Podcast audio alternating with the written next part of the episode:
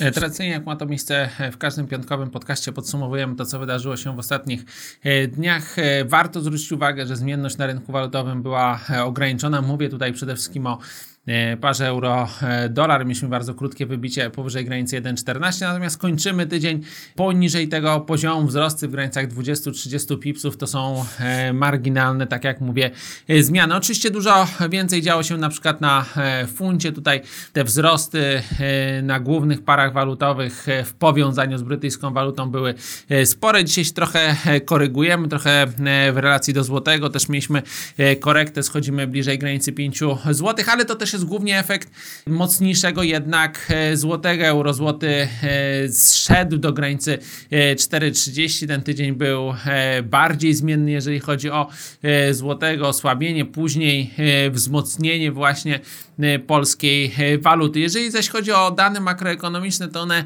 szczególnie nie zaskakiwały. Cały czas mamy słabość w strefie euro, słabość publikacji, zwłaszcza tych związanych z przemysłem. Dzisiaj PMI e, potwierdził tę e, słabość. Dodatkowo Hiszpania dołączyła do e, grona krajów, gdzie ten indeks spadł poniżej granicy 50 punktów. Dane ze Stanów Zjednoczonych można powiedzieć, że były mieszane. Dzisiejsze odczyty związane z inflacją były zgodne z oczekiwaniami. Cały czas ta koniunktura w Stanach Zjednoczonych jest dobra, to pokazały również e, publikację wczoraj, wczoraj, czyli PKB za czwarty kwartał, cały rok 2018 był niezły 3,1% w porównaniu do Europy to bardzo, bardzo e, wysoko. E, jeżeli zaś chodzi o następne dni, to można spodziewać się według nas jednak stabilizacji złotego.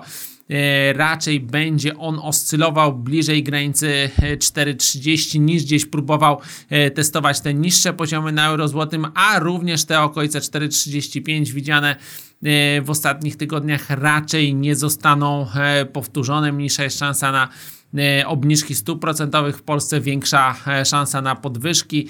To się zmieniło, to się zmieniło po ogłoszeniu stymulacji e, fiskalnej e, w Polsce. Bardzo ciekawy w przyszłym tygodniu będzie e, czwartek, posiedzenie Europejskiego Banku Centralnego, nowe prognozy makroekonomiczne. Dzisiejsze dane o inflacji w strefie euro zawiodły. Cały czas inflacja bazowa jest nisko, 1, 1% rok do roku. Tylko tyle ceny rosną z wyłączeniem paliw i żywności. Dodatkowo również inflacja usług jest bardzo, bardzo niska, 1,3%. Nie widać tutaj presji na wzrost cen cen w strefie euro, a dodatkowo słabe dane o koniunkturze mogą sugerować Europejskiemu Bankowi Centralnemu, by wycofać się z tych wcześniejszych zapowiedzi o podwyżkach stóp procentowych, uruchomić jakieś dodatkowe programy stymulujące kredyt dla przedsiębiorstw, czyli tak zwane e, teltro, więc raczej, raczej cały czas euro będzie stosunkowo słabe.